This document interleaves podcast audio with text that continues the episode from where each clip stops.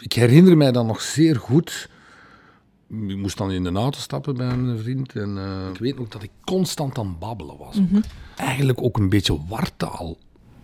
Ik weet nog wel dat ik in die auto zat en dat ik ergens naartoe reed. Maar ze zeiden ook niet naar waar. Dus ik begon zo te gissen van waar gaan we dan naartoe? Gaan we naar mijn ouders of gaan we naar mijn ex-vrouw? Zo, allemaal zo raar vragen stellen. Zo. Dat is eigenlijk heel griezelig allemaal, want dan reden we eigenlijk die oprit op van dat psychiatrisch centrum. Mijn Frank viel toen van, ah, natuurlijk. Dit is wat je nog niet wist over. Een podcast van Leef, het gezondheidsmagazine van CM. Over onze gezondheid in de breedste zin van het woord. Gezondheid houdt ons allemaal bezig, maar soms lijkt het alsof je er helemaal alleen voor staat. Voor de zorg voor iemand anders, maar ook die voor jezelf. En dat willen we bespreekbaar maken. Ik ben Stefanie, ik werk bij CM en ik praat met vijf bekende Vlamingen over de uitdagingen op hun pad en hoe zij proberen om gezond te blijven. In deze aflevering wat je nog niet wist over Ben Segers. Dag Ben, Goedemorgen. hoe gaat het vandaag? Goed, het gaat goed. Ik ben eh, nog niet lang wakker. Nee. Je bent eh, nog niet zo lang terug in het land. Eh, van Engeland kom je, van opnames, buitenlandse opnames. Kan je daar al iets meer over vertellen of is dat nog eh, geheim? Eigenlijk is dat nog een beetje geheim. Dat klinkt allemaal zo heel groots. Naar het buitenland gaan, opnames doen en... en en dat was het ook wel, maar eh, wat ik daar moest doen was nu niet echt geen hoofdrol of zo. Hè. Het is een, een soort ja, belangrijke bijrol, ja. Het enige wat ik daarover mag zeggen nu is... eh, het werd in Engeland opgenomen, maar het eh, betreft om een Amerikaanse televisiereeks. Ah ja, ja. Waar ik eigenlijk ja, toevalligerwijs een auditie voor gedaan heb. Aanvankelijk dacht ik van ja, dat wordt hier niks. maar dat is wel iets geworden. Ja. dus ja, voilà. Ehm, ik heb niet die ambitie om zo in het buitenland en dat soort... Nee, ik, doe het liever allemaal hier. Mhm. Dus ik bezie het nu zo van, ah, lekker meegenomen, tof. Kan ik zo eens kijken hoe dat, dat daar zit. En, en, ehm, Ja. en ik heb mijn ogen wel opengetrokken, ja. Is het heel anders? Ja, totaal anders. Ja. Veel grootser. Ben, de titel van onze podcast is Wat je nog niet wist over. Ja. Ehm, wat weten de meeste mensen misschien nog niet over Ben Segers?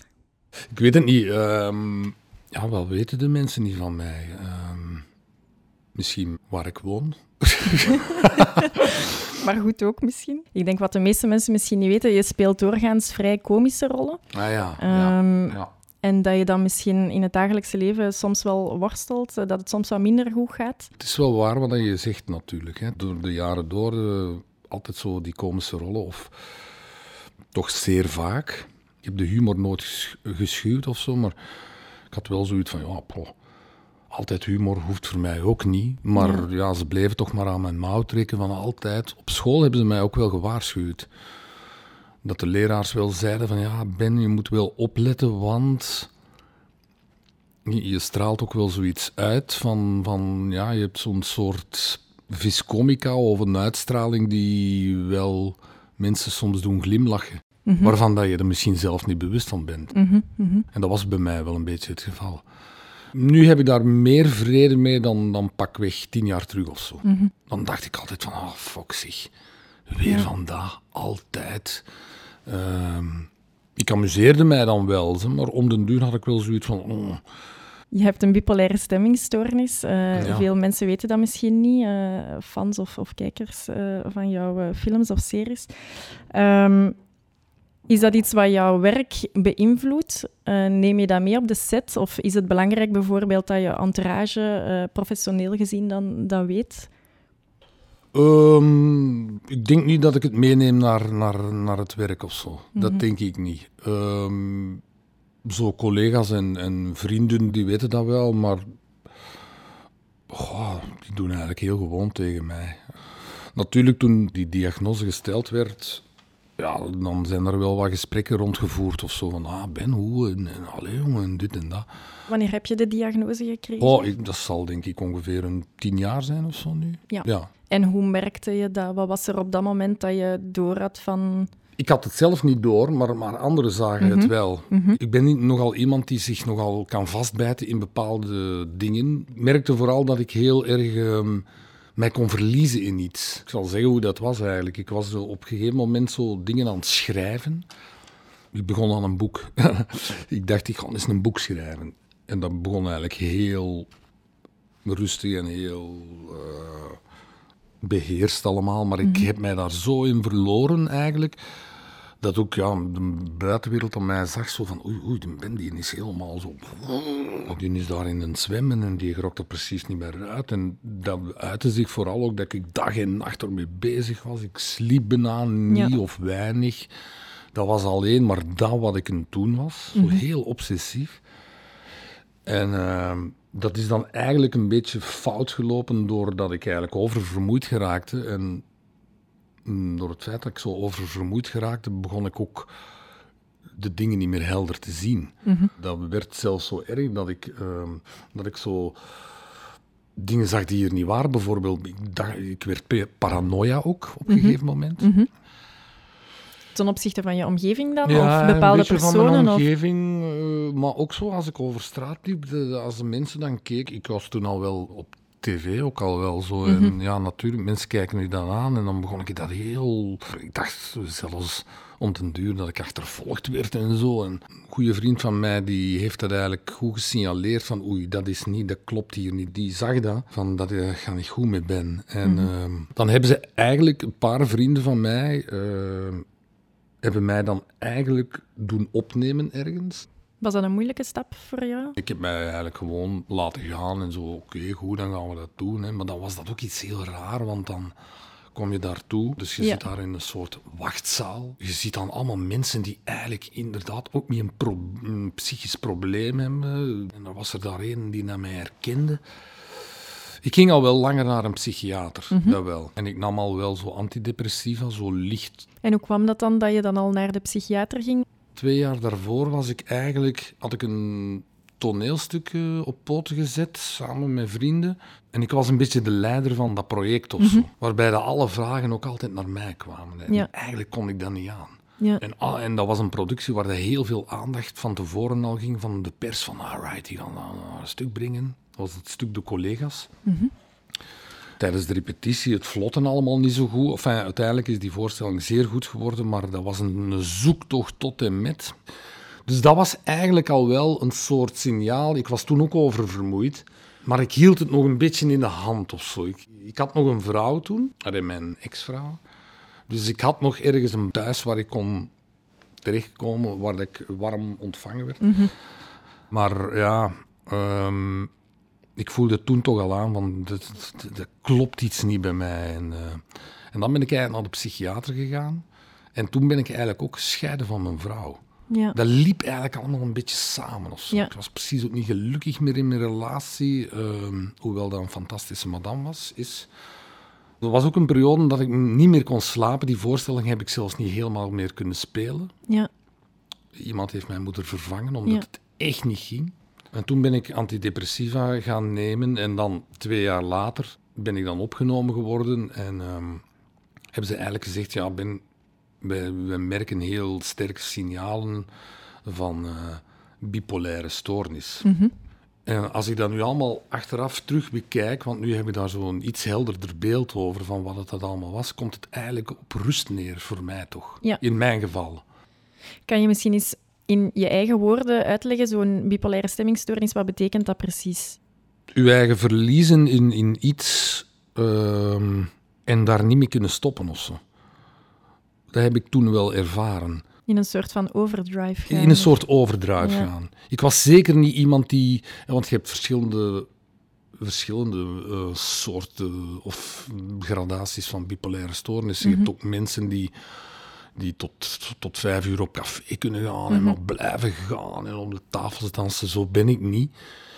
Het is up of down een beetje zo, hè, zo. En bij mij uitte dat zich in, in iets verliezen en daarna echt zo down zijn dat je echt depressief bent, dat je er geen uitweg meer weet. Ehm, heb je dat dan vaak gehad? Ik heb vaak heel erg in overdrive iets gegaan, dan de weerslag krijgen, niet meer kunnen slapen, maar echt niet Totdat dan de, mijn psychiater zei van ja, oké, dat is de bipolaire aandoening. Ben, je hebt voor ons ook een soort van eh, dagboek bijgehouden. Gaan we daar samen een keer naar luisteren.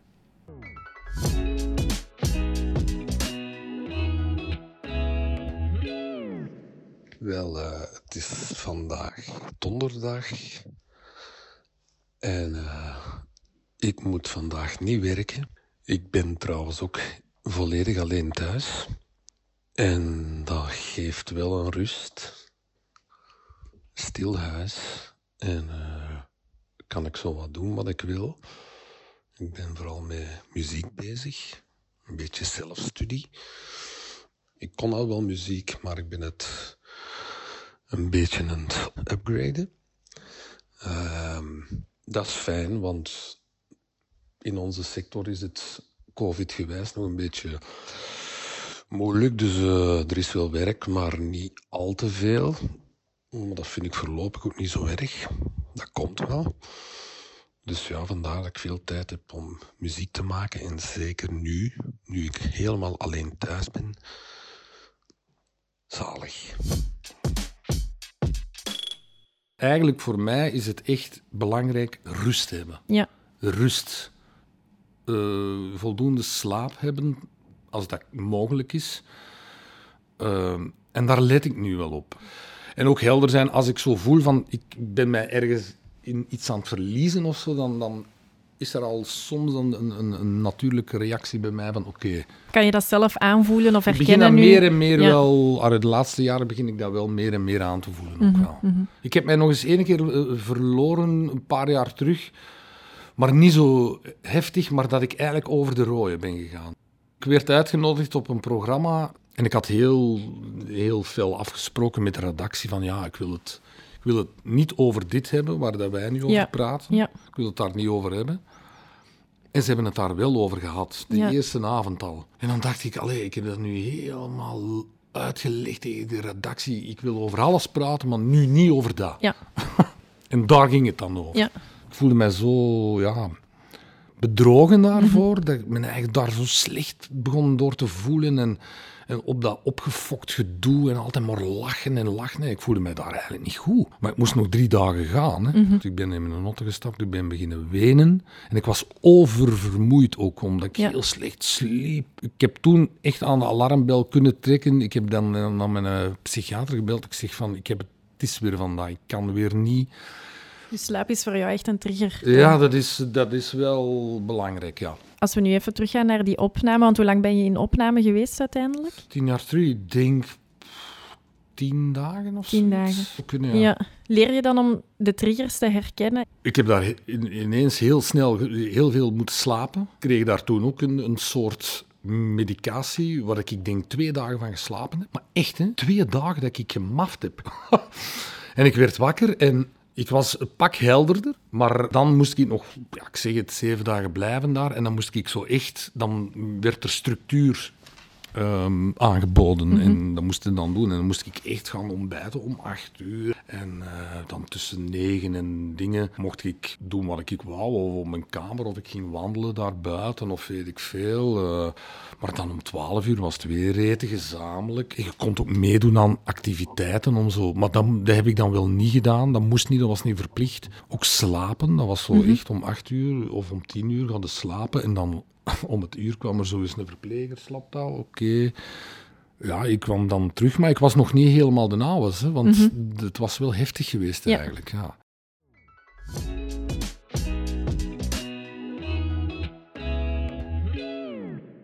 Die vrienden dat je naar daar hadden gebracht, dan namen zij dan aan dat, dat je daar niet voor zou openstaan als ze dat gewoon verteld hadden of gevraagd Ik hadden? denk Van, dat misschien wel, ja. Ja. ja. Ben je dan blij dat ze dat op Ja, die manier ja, ja, gedaan ik ben hebben? blij wel? dat ze Ja. dat gedaan hebben, absoluut. Ja. Ja, ja. want dat was, het was toen broodnodig. Het was ook zo'n moment toen dat ik echt lag te huilen als een klein kind in foetushouding in de schoot van mijn lief toen, dat ik echt niet wist. En ik bezie dat echt als een zeer griezelige periode, vooral omdat je dingen begint te zien die er eigenlijk, je begint verbanden te leggen die er niet zijn. Hè. Mhm. En hoe ziet zo'n, eh, omdat je dan zei, daarna komt dan de val. Hoe zou je dat beschrijven? Hoe voel je je dan? Ja, wenen, het, het- het niet meer weten, het niet meer, niet meer normaal kunnen functioneren. Ehm, ik, ik, ik, ik trainde mij erin om, om, om te gaan repeteren dat ze het niet aan mij zagen. Ja, Ik heb zelfs ooit meegemaakt dat ik met, met dat stuk die collega's aan het spelen was en het einde van het stuk was daar, denk nog vijf minuten of zoiets. We stonden allemaal op zijde eigenlijk, zo'n beetje naast elkaar of zo, in groepjes en dit en ik zo zei van, uh, Stijn, het gaat niet meer, het gaat niet meer, ik kan niet meer, ik kan niet meer. En die zo nog even, nog even dingen. Oké, gedaan, buigen. Ik ben afgegaan, ik ben daar in de zetel gevallen. Ik zeg, man, het gaat niet meer, het, het kan niet meer. En dan weet ik nog dat Mark van Negem, ook al zaliger, die zei, kom, we gaan nu naar de dokter. Ja. En ja, die, een, uh, die een dokter zei van ja, jij bent oververmoeid. Hè. Die uh, maakte dat duidelijk met zo'n rekker. Je kunt een rek uitrekken, maar je kunt hem ook heel hard uitrekken. En dat zei hem van ja, dat, dat had je dan gedaan. En men te fel. Maar die moet dan terug een beetje op zijn plooi komen en dat, gaat, dat heeft tijd nodig om die... Ja. En, en, en, Als je terugkijkt naar je kinderjaren of puberjaren, of is dat iets dat toen ook misschien al... Was dat er al? Dat begon zo wat van mijn eerste middelbaar, dat, dat er zo periodes waren dat ik mij eigenlijk niet zo goed voelde. Dat is al heel lang geleden allemaal, hè, maar... Ja, dat ik... Uh, maar met wat had dat dan te maken had? Misschien had dat ook te maken met vermoeidheid, maar dat kan ik me eigenlijk niet meer zo voor de geest halen. Maar natuurlijk, toneelschool en dan achteraf in de crew. En, Ja. je, kunt dat, je kunt dat een lange periode aan, maar dan krijg je op je weerbots. Ja. Maar ja, de, mijn psychiater die mij begeleid heeft, die heeft echt gezegd van ja, dat, ik, dat er een soort gevoeligheid bij mij is waar ik bewust van moet zijn. Van, Ja. ehm, En die er altijd zal blijven ja, misschien. ja, die, Ja. dat is een soort aangeboren. eh, Dat is allemaal niet erg, maar als je het weet, is het niet erg. Mhm. Maar het heeft wel een- het heeft heel lang geduurd eer dat ik daar mij bewust van werd en Ja. dat dat allemaal duidelijk werd.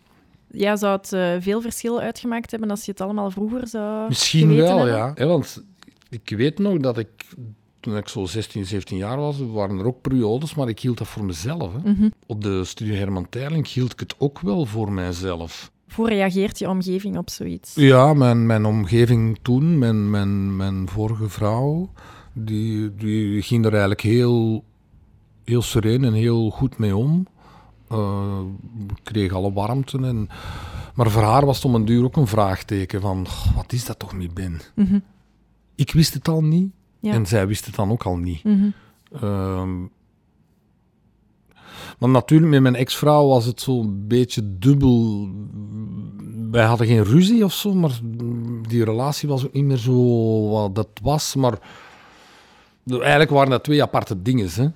Zodat ik mij niet goed voelde en die relatie, ja, dat was. ja, het, het heeft allemaal wel iets met elkaar te maken, maar eigenlijk kan ik dat wel los van elkaar Ja. zien. Mij niet goed voelen, dat had toch meer door de oververmoeidheid te maken en dan de relatie was nog iets anders. En hoe ben je vandaag omringd? Door mijn eh, nieuwe vrouw en mijn, mijn zoontje van zes. Ja. Ik heb nog twee dochters, die zijn ouder. Die zijn een weekend bij mij, weekend niet, weekend wel, weekend niet. Maar wij improviseren ook heel veel. Ja, nee, ik ben heel warm omringd. Hebben zij het soms gemerkt, denk je, in periodes waarin het moeilijker ging? Ik heb er destijds wel eens over gepraat, maar toen waren ze ook wel wat jonger. Dus je legt dat dan wel meer op kinderniveau uit. Nu zijn ze 18 en, en 15. Ze weten wel dat, ik, dat, dat er een gevoeligheid bij mij is, Mhm. dat wel. Dat het al wel eens kan zijn dat papa zo eens een keer weent.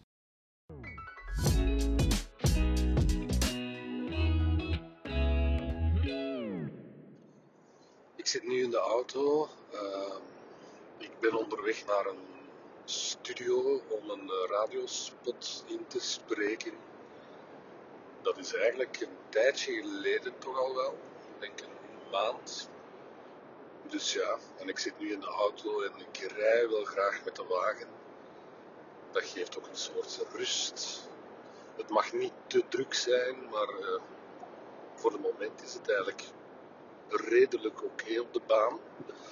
En dan eh, vind ik het ook leuk om te rijden. Straks eh, kom ik dan thuis na die opname van die radiospot. En dan ga ik een lekker warm badje nemen, want ik moet vanavond en vannacht gaan filmen. Er is een nachtopname, dat kruipt wel in uw kleren. Dus dan ga ik daarvoor eigenlijk toch een rustmoment inlassen. Hopelijk lukt het. Want mijn zoontje heeft maar een half dag school, dus hopelijk komt hij in de badkamer mij niet lastig van.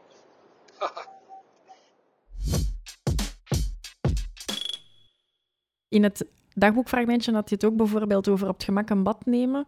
Zijn dat zo van die ehm, ja, zaken die je echt bewust inplant of dat je voelt van ik ga daar nu echt heel bewust tijd voor maken omdat ik dat nodig heb? Mm, Bewust tijd voor maken wel, maar dat is niet dat ik dat op voorhand al Mhm. inplan of zo. Ja, soms wel. Soms wel. Soms kan ik zoiets hebben van oké, eh, ik ben vandaag, ik heb niks aan de hand. Lenny is bijvoorbeeld weg en Jeanne is naar school, dan kan ik zeggen, ah, dan kan ik zo in de namiddag zo eens een pitje doen. Som, maar dat is niet dat ik dat drie dagen van tevoren of zo begin Nee, in te nee, nee. plannen Ja, of zo, dat ja. nu wel niet, maar... eh, En zijn er nog zo zaken waarvan dat je weet dat als je dat doet, dat dat echt eh deugd doet? ik speel ook muziek, Mhm. niet professioneel of zo, maar, maar dat is ook wel een, een hulpmiddel om, om uw kop vrij te maken. Allee, in mijn geval dan. En wat speel je van muziek? gitaar. Wat zou je jonge mensen aanraden die misschien met hetzelfde te maken hebben? Of... Babbel erover. Mhm. In de eerste instantie met, u, met uw ouders of eh, met, u, ja, met uw ouders of met uw, uw naaste familie. eh, en dan misschien in tweede instantie met, eh met psycholoog of psychiater. Ja. Is dat iets dat voor jou makkelijker geworden is om daarover te praten? Zoals bijvoorbeeld het gesprek dat we nu hebben, is dat moeilijk? Ja, nu is dat wel, wel, Ja. wel, nu is dat wel gemakkelijker of zo voor mij. Ja. Mhm. Ja, nu, nu kan ik het ook benoemen. Wat zou je willen meegeven aan de omgeving, de entourage? Een goede vraag. Ehm, oplettendheid, zo zien van oké, eh, of dat alles wel goed gaat met de persoon dan waarover het zou gaan. Mhm. Zodat je af en toe wel eens, of als je een vreemd signaal merkt, er dan direct over beginnen praten of Mhm. zo. Ben, we geven tijdens onze eh, podcastaflevering ook altijd het woord aan eh, een van onze lezers, die met een gelijkaardig eh, ehm, verhaal eigenlijk te maken hebben. Eh, en ik Ja. zou je dat ook eens willen laten horen. Hallo, ik ben Matthias. Ik ben ehm 35 jaar en ik woon in Diest. Ergens rond mijn 20 heb ik de eerste symptomen gekregen van bipolaire stemmingstoornis. Ik ben toen manisch geworden en vervolgens ben ik in een psychose gegaan. Heeft een tijdje geduurd. En een jaar of acht geleden ben ik voor de eerste keer in opname geweest en toen pas kwam ik erachter wat een bipolaire stemmingstoornis was. Dus op het moment zelf was dat best wel overweldigend en doorheen de tijd is het pas beginnen dagen van ja, wat het juist was. En voor mij was dan het beginpunt om te leren omgaan met mijn diagnose was om ook beginnen werken in een omgeving die, ja, die toch meer iets, iets aangepast was voor mij. En ja, dat eigenlijk in combinatie met terug voor mezelf leren zorgen, een beter, een beter dag- en nachtritme hebben. Het zijn zo van die, van die kleine dingen die het hem gedaan hebben eigenlijk. Van een bipolaire stemmingstoornis, dan ga je eigenlijk van je, je hebt, de twee polen waarbij je oftewel naar het depressieve neigt, oftewel naar het manische en daar, daartussen kunt schommelen. Maar ik heb altijd de neiging gehad om, om vanuit een manie door te schieten naar een, naar een psychose. Toen ik dan uiteindelijk uit opname kwam, ben ik terug gaan werken in een fulltime job. Gewoon toen samen met mijn, vriendin. Maar toen op dat moment hadden wij het best wel moeilijk en we zijn heel eventjes hebben afstand genomen van elkaar. Ik had toen heel veel liefdesverdriet. En tegelijkertijd was ik hard aan het gaan voor mijn job. En ik was redelijk verscheurd door de emoties waar ik, da- waar ik door, doorging vanuit mijn relatie. En toen begon ik stemmen te horen en ik had zoiets van, ja, deze, klopt niet, deze gaat te ver.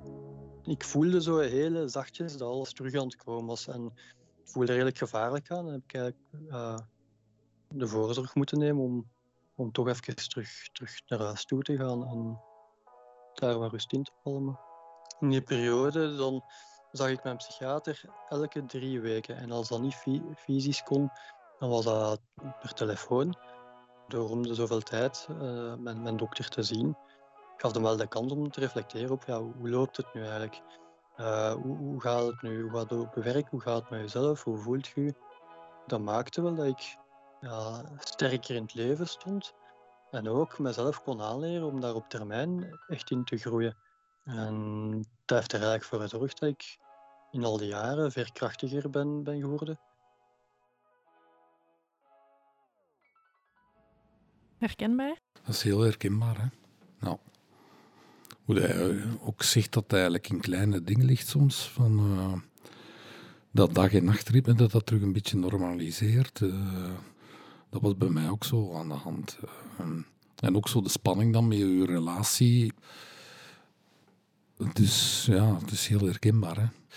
Ook dat hij zegt van, als ik dan volop aan het gaan was, belandde ik in een psychose. Ja, misschien is dat bij mij toen destijds die ene keer ook wel wat geweest. Mm Omdat ik dan dingen begon te zien die er niet waren. Ja, dat is eigenlijk een beetje een psychose. Hè.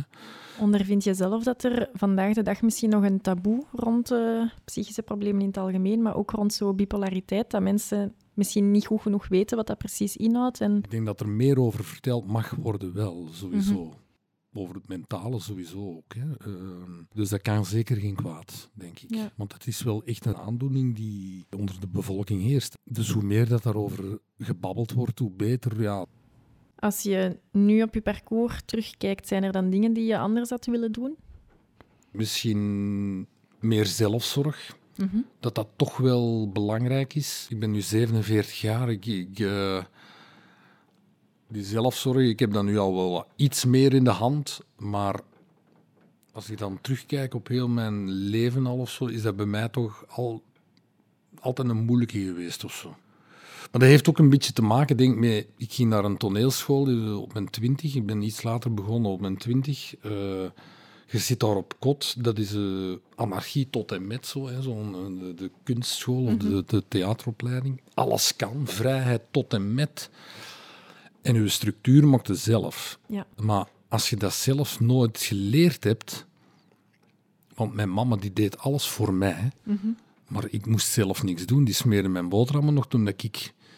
Toen dat ik om mijn 18 in het middelbaar, in het zesde middelbaar zat. Hè. Die deed dat nog. Hè. En ik heb dat eigenlijk nooit echt zwaar zelf, um, dat zelf moeten aangaan, die structuur. Dat werd eigenlijk voor mij gedaan. En dan ging ik naar de toneelschool en ineens ja, zit daar een week op kot en je moet naar de les en dit en dat. En ja, begint maar aan je structuur. Hè, weet je? Ik bedoel, je hebt nooit niet geleerd. Je zit dan in zo'n school, alles kan. En, en dat, dat, is wel... Oeh, dat heeft... Uh, dat is eigenlijk grappig. Ik begin dat nu te beseffen, nu dat ik dat aan het vertellen ben. Structuur, inderdaad, is wel belangrijk. Bent, het is een uh, regenachtige dag vandaag. Uh, wat ga je nog doen hierna? Uh, ik ga zelfs naar huis.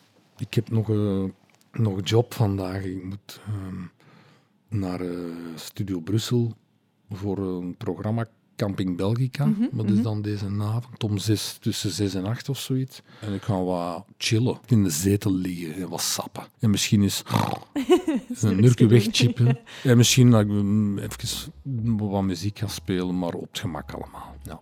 Oké. Veel, uh, veel plezier ermee. Dank Perfect voor Het was voor mij ook leerrijk weer. Ja? Oké, okay, ja? ben blij. Structuur. Ja. Structuur, dat ga, ik, ja. ik meenemen. ja.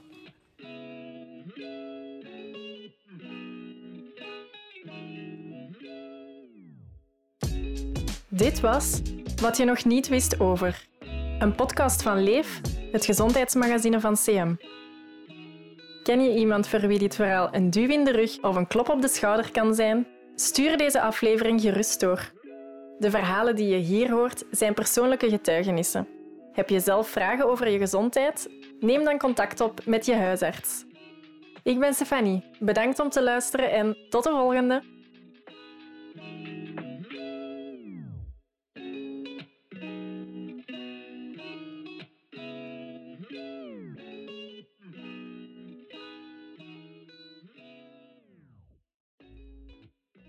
Een productie van CM met de ondersteuning van Chase Creative Agency.